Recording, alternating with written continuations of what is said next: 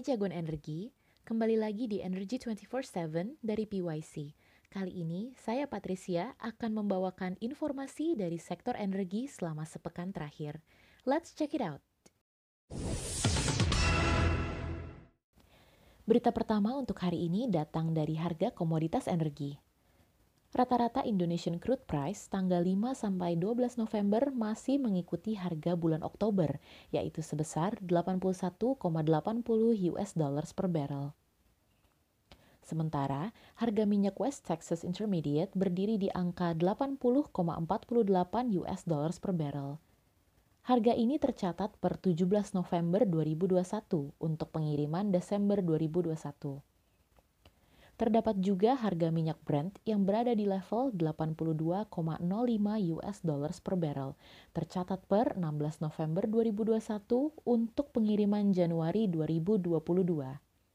Berikutnya, harga batu bara acuan tanggal 13 sampai dengan 18 November 2021 tercatat sebesar 215,01 US dollars per ton dan Newcastle Coal Price per 17 November 2021 tercatat sebesar 150,15 US dollars per ton.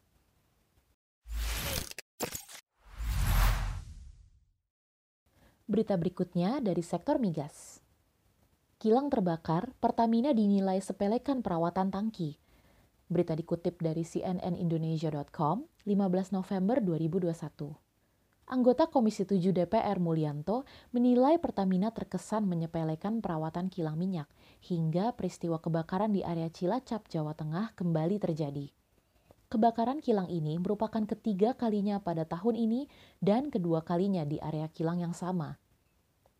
Ia mengingat dalam rapat kerja beberapa waktu lalu, Direktur Utama Pertamina, Nike Widiawati, memaparkan hasil analisis penyebab kebocoran dan kebakaran tangki BBM di kilang Cilacap dan rencana tindak lanjutnya.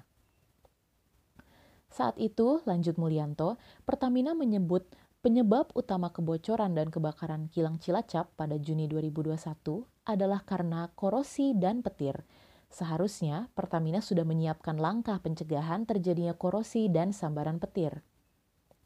Menurutnya, dengan peristiwa kebakaran kilang Cilacap, rencana kerja yang dilaporkan tidak dijalankan dengan baik. Mulyanto malah khawatir dengan kondisi kilang Pertamina yang jumlahnya lebih dari seribu tangki di seluruh Indonesia. Sementara, Ketua Komisi 7 DPR Sugeng Suparwoto mendesak investigasi dan audit menyeluruh kilang Cilacap.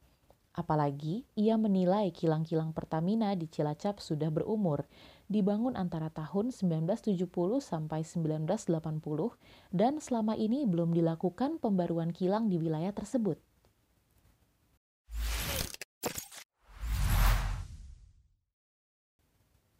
Masih dari sektor migas, MEDC tingkatkan target produksi migas pada 2022 ke 95 juta barel ekuivalen per hari Berita dikutip dari bisnis.com 18 November 2021.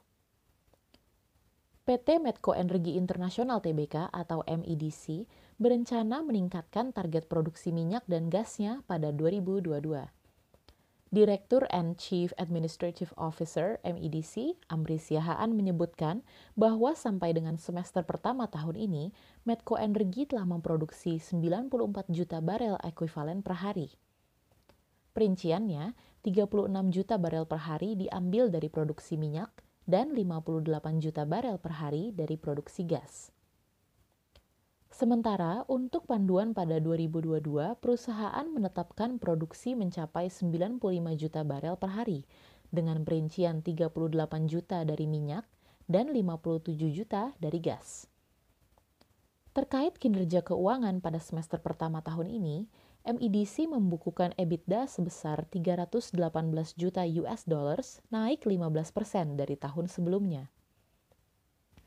MEDC juga membukukan laba pada ketiga segmen bisnisnya, dengan laba di sektor migas tercatat senilai 88 juta US dollars, pada segmen tenaga listrik sejumlah 22 juta US dollars, dan di tambang aman mineral Nusa Tenggara sebanyak 33 juta US dollars.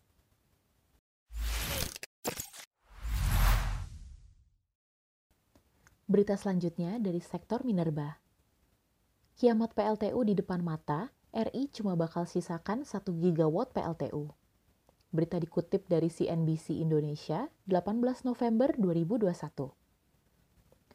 Pemerintah memiliki target ambisius untuk bisa mencapai netral karbon pada tahun 2060 mendatang atau lebih cepat. Salah satu cara untuk mencapai target ini yaitu dengan mengurangi secara bertahap penggunaan batu bara pada pembangkit listrik.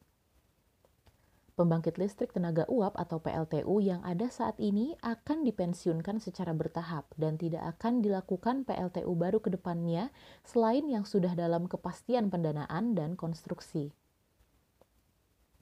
Berdasarkan peta jalan transisi energi menuju netral karbon, pada tahun 2031 pemensiunan PLTU tahap pertama subcritical akan dilakukan – Lalu tahun 2036 dilakukan pemensiunan PLTU tahap kedua subcritical, critical, dan sebagian supercritical. Lalu pada tahun 2049, pembangkit listrik tenaga nuklir atau PLTN pertama ditargetkan mulai beroperasi. Dan akhirnya pada tahun 2057, kapasitas PLTU dan PLTGU RI masing-masing hanya tinggal kurang dari 1 gigawatt. Namun, dengan adanya target netral karbon pada tahun 2060, maka kapasitas PLTU berbasis batu bara ini akan dikurangi signifikan menjadi hanya kurang dari 1 gigawatt pada tahun 2057. Menteri Energi dan Sumber Daya Mineral atau ESDM Arifin Tasrif mengakui bahwa Indonesia memiliki sejumlah tantangan untuk mencapai target netral karbon atau net zero emission pada tahun 2060 mendatang atau lebih awal. Guna mencapai target netral karbon tahun 2060 ini, Indonesia diperkirakan membutuhkan dana fantastis, yakni mencapai hingga 9.000 triliun rupiah, itu pun hanya untuk meningkatkan kapasitas energi baru terbarukan atau EBT.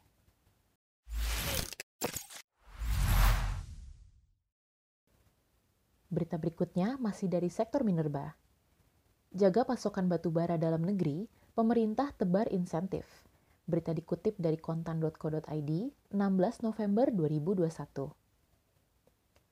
Dalam upaya pemenuhan kebutuhan batubara dalam negeri, pemerintah melalui kebijakan Domestic Market Obligation atau DMO telah menyertakan sejumlah insentif Direktur Jenderal Mineral dan Batubara Kementerian Energi dan Sumber Daya Mineral atau ESDM Ridwan Jamaluddin mengungkapkan ada keistimewaan yang diberikan bagi pelaku usaha pertambangan jika berhasil memenuhi komitmen DMO 25% dari rencana produksi. Kementerian ESDM merencanakan para perusahaan batubara yang memenuhi komitmen DMO dapat memperoleh sebagian hasil denda yang didapat dari perusahaan yang membayar denda – Kendati demikian, rencana tersebut urung terwujud karena belum mendapatkan persetujuan dari Kementerian Keuangan. Para perusahaan akan diberikan peluang untuk menambah kapasitas produksi untuk diekspor. Secara khusus, bagi industri kelistrikan, harga jual batu bara dalam skema DMO dipatok sebesar 70 US dollars per ton. Sementara bagi industri pupuk dan semen, harga jual batu bara dipatok sebesar 90 US dollars per ton. Kementerian ESDM pun kini tengah mempertimbangkan adanya alternatif lain dalam penerapan harga batubara dalam negeri. Salah satu opsi yakni penerapan harga batas bawah atau floor price. Alternatif lainnya yakni dengan pengaturan skema kontrak penjualan dalam negeri melalui skema kontrak harga tetap atau fixed price dengan besaran harga yang disepakati secara business to business atau B2B.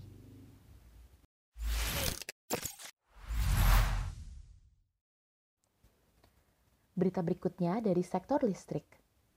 Indonesia bisa jadi pemain utama industri mobil listrik. Berita dikutip dari republika.co.id 18 November 2021. Presiden Joko Widodo menyatakan pemerintah terus mendorong berbagai upaya untuk meningkatkan produksi mobil listrik. Ekonom Indef Tauhid Ahmad menilai Indonesia akan mampu menguasai industri mobil listrik global di masa mendatang – Katanya, Indonesia memiliki sumber baterai listrik dari turunan nikel. Pemerintah telah membentuk PT Industri Baterai Indonesia atau Indonesia Battery Corporation yang juga disebut sebagai IBC yang merupakan gabungan dari PT Indonesia Asahan Aluminium Persero atau Inalum alias MINDID, Antam, Pertamina, dan PLN. Selain itu, pemerintah sudah memiliki roadmap infrastruktur mobil listrik. Data dari Gaikindo menunjukkan pengguna mobil listrik semakin banyak dan secara global pertumbuhannya juga sangat cepat. Hal ini berarti pasar mobil listrik akan menjadi sangat besar.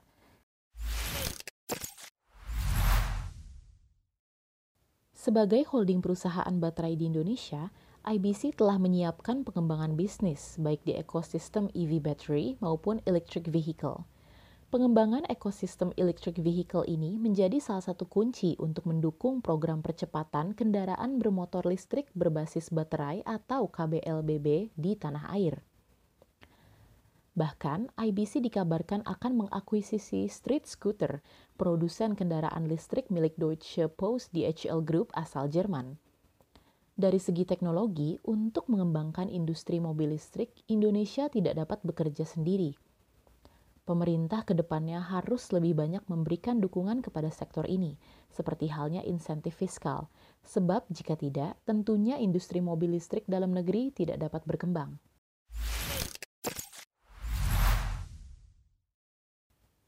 Berita terakhir untuk hari ini datang dari sektor energi baru terbarukan. TBS Energi garap dua proyek pembangkit listrik EBT. Berita dikutip dari liputan6.com, 18 November 2021. PT TBS Energi Utama TBK atau TOBA menargetkan net zero carbon pada 2030. Untuk mencapai target tersebut, perseroan siapkan sejumlah langkah, salah satunya mengembangkan pembangkit listrik energi baru terbarukan atau EBT. Adapun target itu lebih cepat dari target pemerintah Indonesia tahun 2060.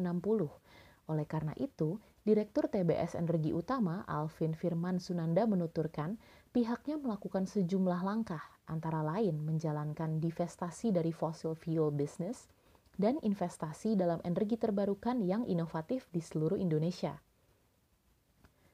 Langkah lainnya adalah menghitung baseline carbon emission untuk memahami dampak dan komitmen menuju net zero by 2030. Mereka juga berkomitmen terhadap transparansi dengan melaporkan kemajuan dan cara mencapai target 2030, membuatnya siap mendapatkan peluang pendanaan dengan target sustainability performance, dan tentunya mendukung arahan pemerintah Indonesia untuk mencapai climate change target dan NDC. Adapun energi terbarukan yang dimiliki perseroan adalah lebih dari 900 MW yang ada dalam pipeline sebagai potensi pengembangan bisnis ini. Jumlah tersebut diambil dari total 20 GW potensi yang teridentifikasi pada RUPTL. Perseroan pun memanfaatkan peluang pengembangan EBT di seluruh Indonesia antara lain di Sulawesi, Maluku, Sumatera, Jawa, Bali dan Nusa Tenggara, serta Papua.